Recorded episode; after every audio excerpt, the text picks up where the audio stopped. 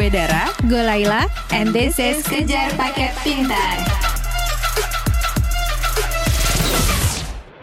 Box to Box, Box to Box, Media Network.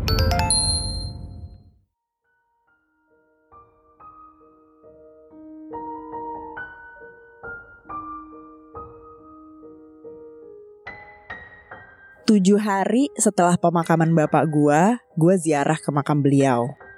Begitu sampai sana, gua tuh ngeliat tanah gundukan makam bokap gua ada yang ambles turun di beberapa titik.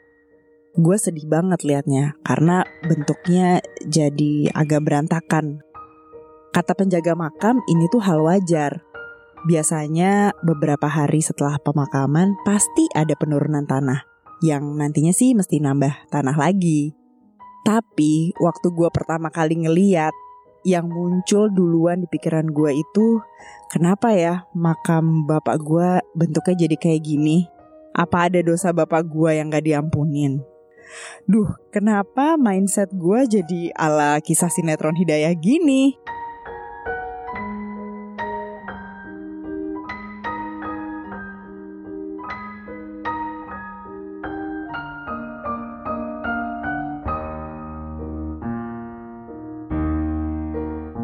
Masyarakat Indonesia adalah masyarakat yang klinik dari lahir. Waktu kita masih dalam kandungan, mungkin ibu kita menjalani upacara nuju bulanan. Terus setelah kita lahir, mungkin kita menjalani berbagai ritual upacara adat. Terus pas kita udah agak besar, kita mulai tuh ditakut-takutin oleh berbagai mitos dan tahayul. Katanya kalau kita duduk depan pintu, kita bakal susah dapat jodoh. Terus katanya kalau kita main di luar malam-malam, bakal diculik wewe gombel. Sampai besar pun kita nggak pernah benar-benar lepas dari berbagai tradisi serta kepercayaan yang bersifat klinik dan non-scientific. Tentunya hal ini mempengaruhi pola pikir dan decision making kita ya, sampai dewasa. Walau kadang decision makingnya nih bisa bikin perpecahan loh. Dia tangga, dia nganggur tapi uangnya banyak.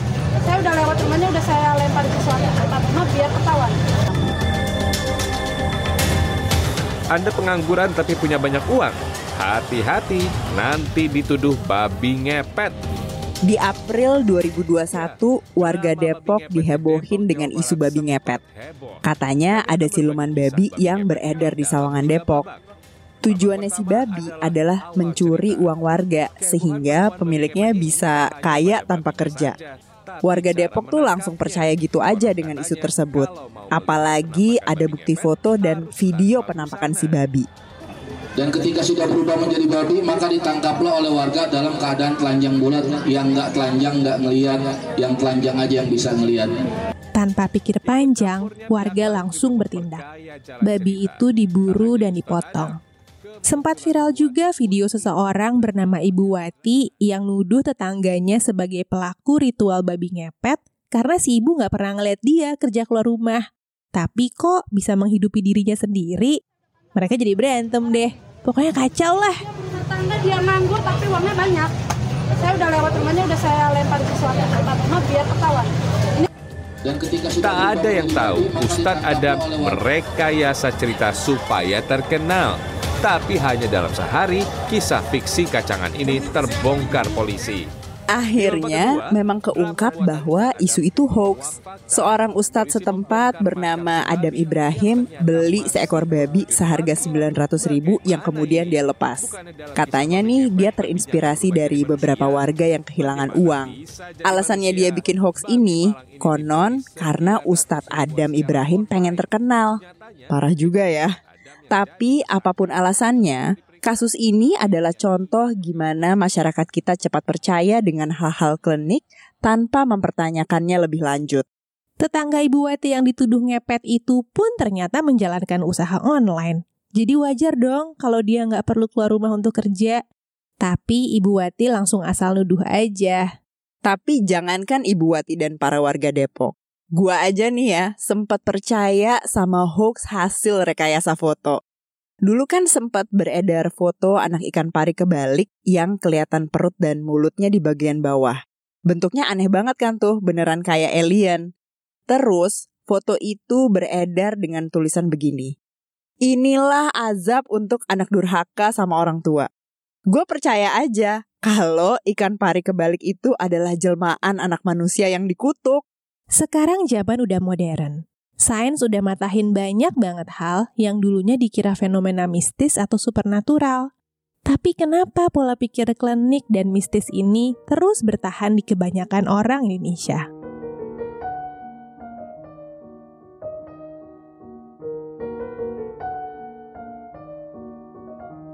Akar kepercayaan masyarakat Indonesia adalah animisme dan dinamisme, yaitu kepercayaan yang memuja alam. Dulu nih, orang kita percaya bahwa semua benda alam itu punya roh dan roh-roh tersebut perlu dihormatin supaya manusianya dilindungi dan diberi berkah. Kalau mau ngambil keputusan pun kita harus ngeliat tanda-tanda alam seperti arah angin atau rasi bintang supaya tahu kapan nih harus berburu, kapan harus nikah, kapan harus bikin upacara, dan sebagainya. Terus mungkin kebetulan masyarakat Indonesia dulu merasa belief system ini nyata dan efektif. Misalnya, dulu ada orang berdoa kepada sebuah pohon tua, terus kebetulan doanya terkabul. Langsung deh tersebar kepercayaan kuat bahwa roh pohon tersebut memang powerful. Bahkan setelah agama monoteis seperti Kristen dan Islam mendominasi Indonesia, kepercayaan animisme dinamisme tetap kuat di bangsa ini. Sampai sekarang, masyarakat kita tetap suka dan percaya dengan hal-hal superstitious. Buktinya, film horor selalu jadi genre film paling laris di Indonesia.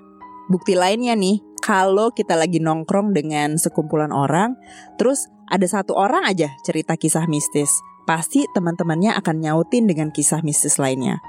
Pokoknya, semodern-modernnya zaman, semua orang pasti merasa pernah punya pengalaman mistis.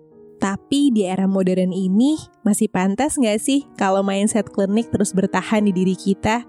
Masalah nggak sih kalau masyarakat kita masih percaya bahwa misalnya orang gay, epilepsi, atau skizofrenia itu sebenarnya kena santet atau kesurupan?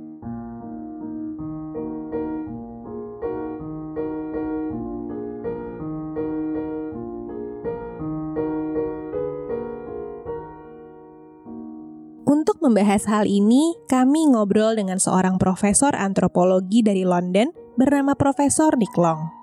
Walaupun beliau orang Inggris, Profesor Nick sudah belasan tahun mempelajari budaya Indonesia, termasuk budaya kliniknya.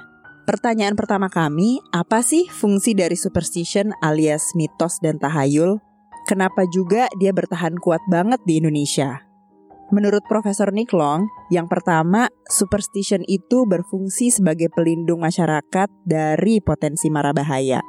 Misalnya nih ya, kalau ada desa yang katanya dijaga oleh genderuwo, tentunya Garong kan males ya ngerampok desa tersebut. If you've got these terrifying genderuwo in the forest, then thieves or attackers are not going to want to go through that forest to attack your village. So that kind of belief system work as a way of protecting people who might otherwise be quite vulnerable. Yang kedua, mitos dan tahayul berfungsi untuk melindungi kita dari situasi berbahaya. Misalnya, sembarangan masuk hutan kan bahaya ya, karena kita bisa jadi tersesat atau diserang binatang buas.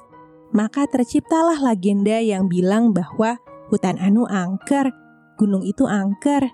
Tujuannya ya mencegah orang supaya nggak asal kelayapan di alam liar it can work as a way of stopping people going into situations that might be dangerous. If you go into the forest, you might get lost. So, how do you stop people going in there? Well, you tell them they're going to get attacked by a puntianak. You tell them they're going to get attacked by some nasty kind of creature. Mitos dan tahayul juga berfungsi sebagai kontrol sosial alias mendorong perilaku baik dan mencegah perilaku yang dianggap melanggar moral. And, and, equally, from a more sinister perspective, you might say, well, this is actually a kind of social control. It's stopping people from being able to do things that they might want to with moralistic stories. Sebagai contoh nih, masyarakat kita kan nganggap seks pranikah adalah hal tabu. Maka ada banyak mitos yang mencegah kita melakukan seks pranikah. Misalnya, dari kecil, gue selalu dikasih tahu bahwa kalau perempuan udah nggak perawat, pas acara pernikahannya nanti, riasannya malah bikin dia terlihat jelek dan gak bikin pangling.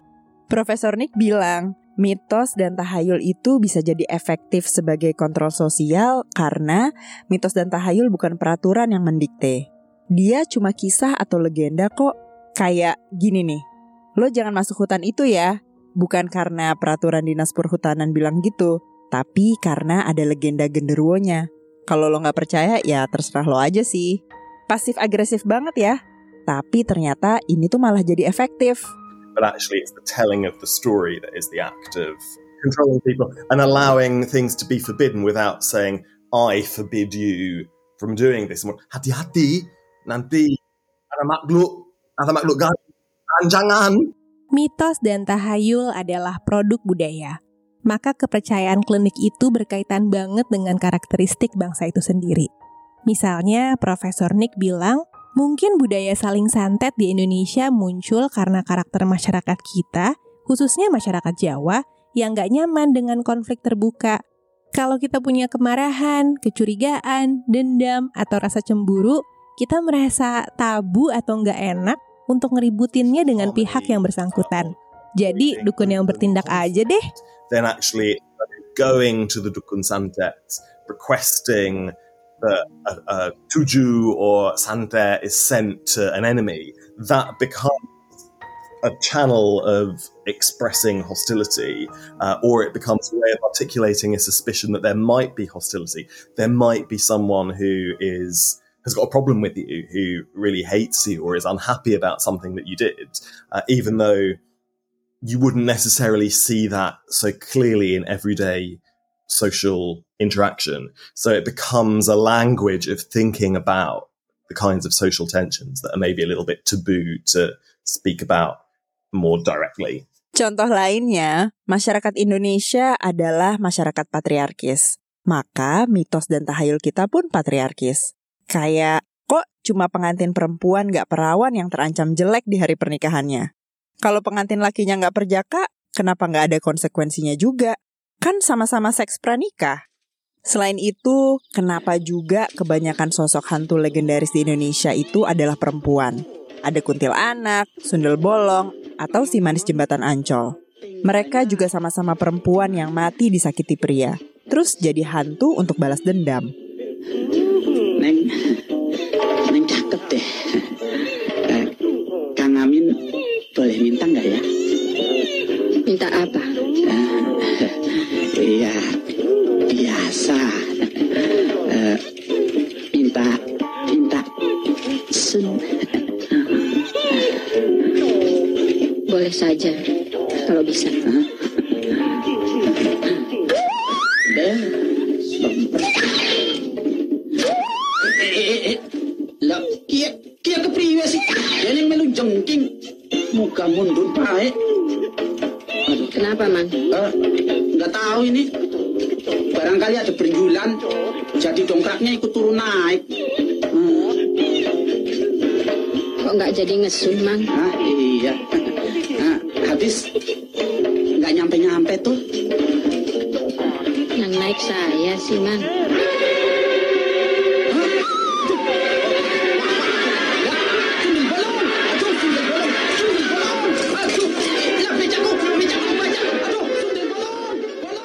Menurut beberapa artikel dan jurnal akademik, para hantu itu memang merefleksikan kehidupan perempuan yang sering jadi korban kekerasan pria atau korban sistem masyarakat yang patriarkis.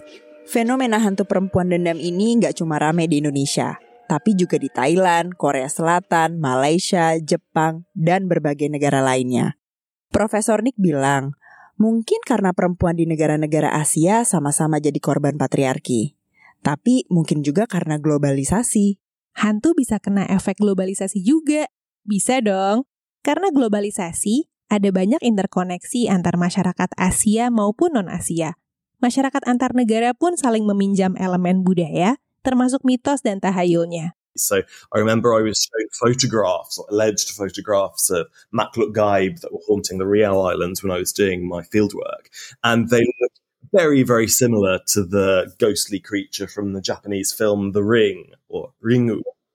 And uh, for me, it appeared to be a cultural borrowing from this popular Asian horror film, The Ring. But then when I was talking to people, some of them were saying, well, actually, no, what happened was when the Japanese occupied Indonesia in the Second World War, they got attacked by the Kuntilanak and other yang berada di tanah air Indonesia because these, these ghosts might like to disturb Indonesian humans, but the ghosts are pretty nationalist too. Like, they don't like Profesor Nick cerita, saat sedang riset di Kepulauan Riau, dia ditunjukin foto-foto hantu perempuan yang terkenal menghantui daerah Riau.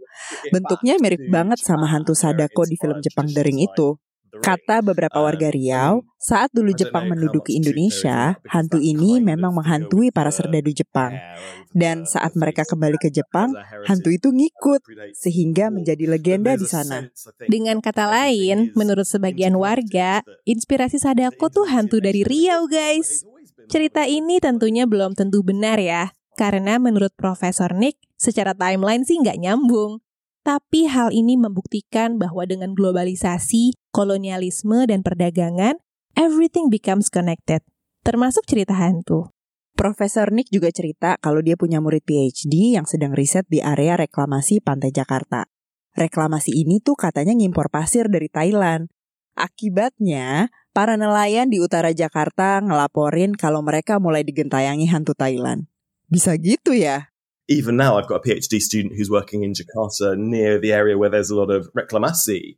And what he's saying is sand is being brought in from all over. You've got sand coming in from Thailand. And so now the, fishermen, the nelayan, who are staying in the north coast of Jakarta, are starting to report being haunted by Thai ghosts. They, they feel are coming from that, that sand because the Tanah Air Indonesia is not completely Indonesian anymore. Profesor Nick juga bilang bahwa Bram Stoker, penulis Irlandia yang membuat novel Dracula itu, terinspirasi menciptakan sosok Brides of Dracula dari sosok kuntilanak. Katanya Bram Stoker sempat mengunjungi Singapura dan dia terinspirasi sama legenda kuntilanak di sana. Stoker pun menggabungkannya dengan legenda vampir Romania. Jadi deh, sosok Brides of Dracula. You've got to go to him. And you've got to love him. She is a willing recruit and devoted disciple. She is the devil's concubine. Dagger! Join me in eternal life. Your salvation is his destruction. Kini, kisah vampir jadi mainstream banget di media-media. Hal ini nunjukin bahwa mau kita berasal dari Irlandia, Romania, ataupun Singapura, manusia punya kegelisahan yang sama, yaitu ketakutan terhadap kematian atau unfinished business dengan orang-orang mati. Makanya kisah vampir gampang berasimilasi dan diterima oleh masyarakat global. Bicara soal globalisasi, meski masyarakat kita sering dihebohkan dengan babi ngepet lah, KKN desa penari lah, sebenarnya fenomena klinik nggak cuma khas di Indonesia. Negara barat pun klinik, misalnya dengan aliran New Age-nya seperti percaya kepada batu kristal, astrologi, dan pembacaan kartu tarot. And so I think it's it's often quite common for human beings to be superstitious because it's a way of trying to give some kind of order to a chaotic world. And in the process of working through the superstition, it's a way of producing a narrative that makes sense and it can become a space to reflect on why, what, what actually deep down you feel, but you don't necessarily want to completely own that. Menurut Profesor Nick, superstitious society itu pasti ada di seluruh dunia. Karena mitos, tahayul, atau kepercayaan terhadap hal-hal gaib itu memberikan manusia rasa tenang atau meredakan kegelisahan. Soalnya, dalam hidup ada banyak banget hal yang susah diterima oleh akal manusia, kayak kematian, musibah alam, atau sakit mental. Dengan kepercayaan klinik, kita jadi bisa nerima hal-hal tersebut dengan intuisi. Ya, nggak selalu mesti pakai akal, And so people will try and come up with explanatory frameworks to, to make sense of it, to have some sense of maybe being able to control what's going on. And once you have those symbols in your worldview, then they're resources that you use to engage with, with anything around you. Kepercayaan klinik menjadi pegangan ketika jalan rasional mengecewakan kita. Kalau anggota keluarga kita sakit keras, tentunya kita pengen nempuh segala solusi ya. Tapi kalau rumah sakit dan dokter ngasih jalan buntu, gimana dong? Kemungkinan besar kita bakal doa ke petinggi agama, minta nasihat orang pintar, atau cari pengobatan alternatif. And what you're getting in the hospital or in the GP clinic is not necessarily reliable. It's not necessarily going to help cure your loved one for all sorts of reasons, maybe because of an issue with the resourcing of the uh, the clinic or the training of the clinic, or just because the condition is very difficult to treat. And so then why also reach for something superstitious or supernatural? You- You've better to try than to not try and fail. Cara-cara itu sih belum tentu efektif, tapi kepercayaan bisa ngasih kita efek placebo, yaitu ngebuat kita merasa berdaya. It gives us hope and a sense of control. to potentially think, well, can I navigate this if I perform a certain kind of ritual, if I go to a dukun, or if I do what I'm supposed to according to the superstition, then maybe I'll have a little bit more control in my life. Then maybe I'll be able to get what I want. Then maybe I'll be able to overcome this challenge. And so it becomes a set of resources that are useful, perhaps at a time when other resources are not totally useful. Dan kalau kita punya mindset positif dan optimis, mungkin kita jadi beneran bisa mengatasi masalah hidup. it's not just a source of hope. It actually has a really powerful placebo effect uh, that can actually lead to significant psychological improvements. It removes a source of worry. It can lead to genuinely better health outcomes. Profesor Nick cerita, dari riset antropologi ternyata penanganan pasien skizofrenia di Ghana dan India dengan metode klinik lebih efektif daripada prognosis klinis di Amerika Serikat.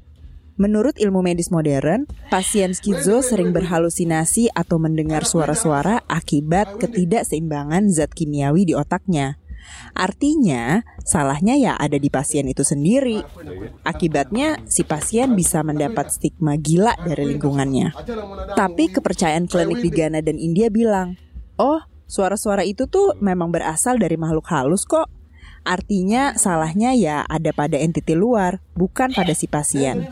Nah, sudut pandang ini nih yang membuat si pengidap diperlakukan dengan lebih manusiawi.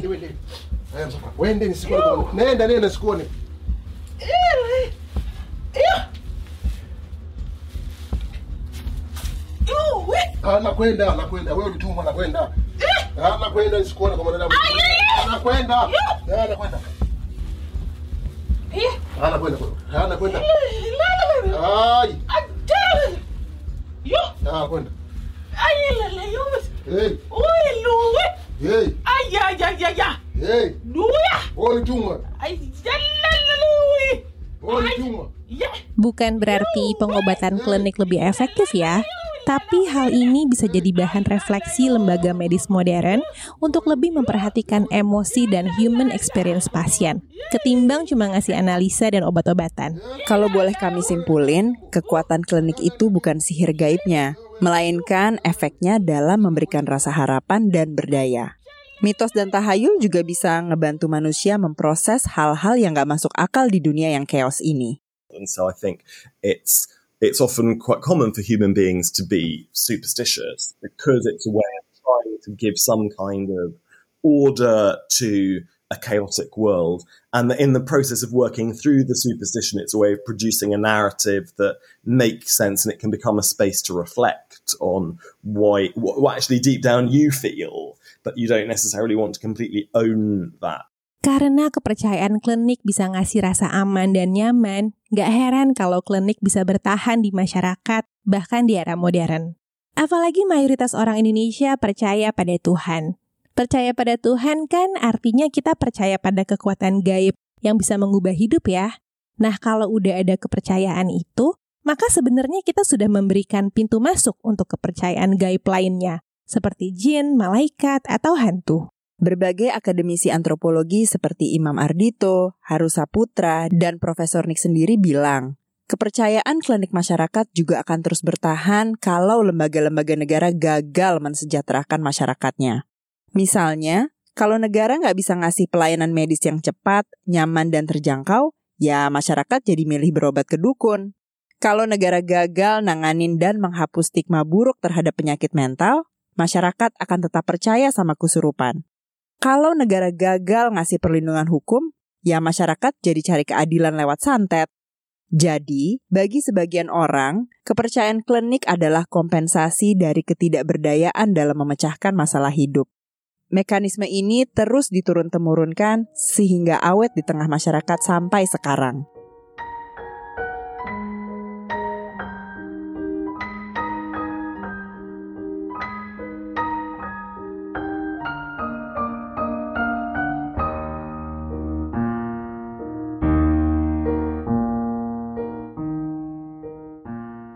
Mungkin kita termasuk orang-orang yang merasa mitos, tahayul, atau kepercayaan klinik adalah sesuatu yang konyol dan harusnya mulai ditinggalkan.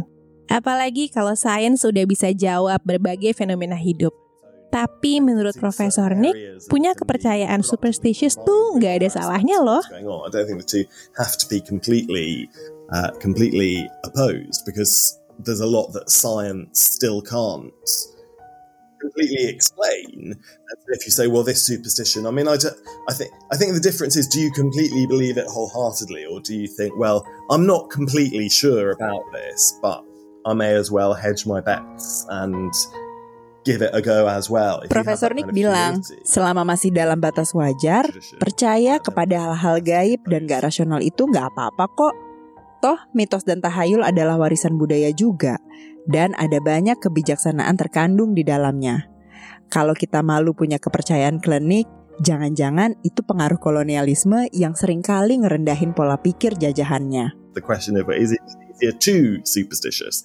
Is this something that's going to hold the nation back? Are people who are subscribing to uh, superstitious beliefs not not on board with the progress of national modernization? It, it could still be quite a developmentalist mindset. Faktanya memang banyak fenomena hidup yang belum bisa dijawab oleh sains. Dan kalau kita mau mengakui, oh ya mungkin ini terjadi karena faktor gaib ya, berarti kita punya kerendahan hati. Dan seenggaknya kepercayaan klinik terbukti bisa membantu psikis seseorang. Misalnya, mungkin berkonsultasi dengan spiritual healer bisa memberikan kita semacam pegangan, rasa optimis, dan perspektif yang lebih jelas meski hidup rasanya lagi hopeless banget. Bagi Profesor Nick, kepercayaan klinik dalam dosis yang wajar itu nggak berbahaya. Yang jadi masalah malah mungkin kegelisahan kita sendiri, para manusia modern ini. Setengah hati kita masih percaya pada hal gaib, sementara setengah hati lainnya maunya percaya sama sains dan logika. Akibatnya, mungkin kita merasakan semacam malu atau konflik batin. I, I think what could become an issue is precisely the anxiety and ambivalence that I see amongst many Indonesians, including in this podcast, actually, about oh, you know, are, are we too superstitious? Is there something wrong with Indonesia that has so many superstitions? Is this actually embarrassing? Like, what is the place of superstition in the modern age, and how that could create difficulties for people as they try and work out who they want to be, uh, as there might be increasingly repressive movements that say, well, no, you shouldn't be having this superstition that is full of local.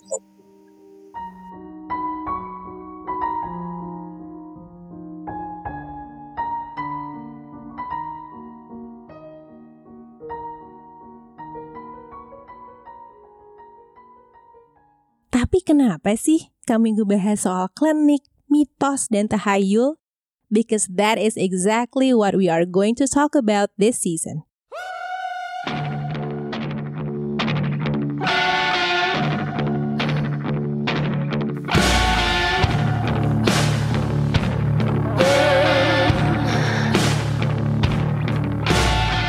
Musim ini, podcast Kejar Paket Pintar akan mengangkat hal-hal yang gak terjawab sehingga menjadi misteri. Entah kita mau percaya atau enggak.